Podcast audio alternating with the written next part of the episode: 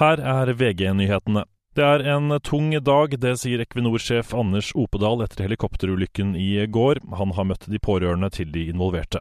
Det, det er svært tungt eh, for mange av, av, av disse. Eh, og vi eh, sørger i dag over å ha mista en veldig god kollega.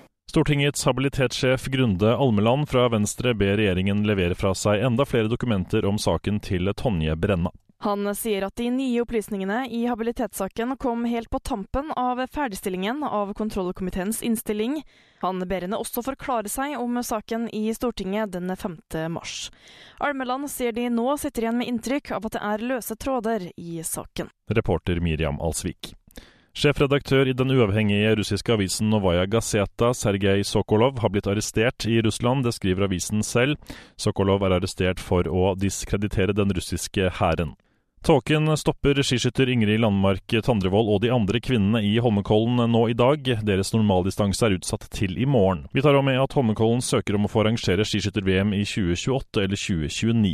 I studio Andreas Hagen Håkonsen, nyhetene får du alltid på VG.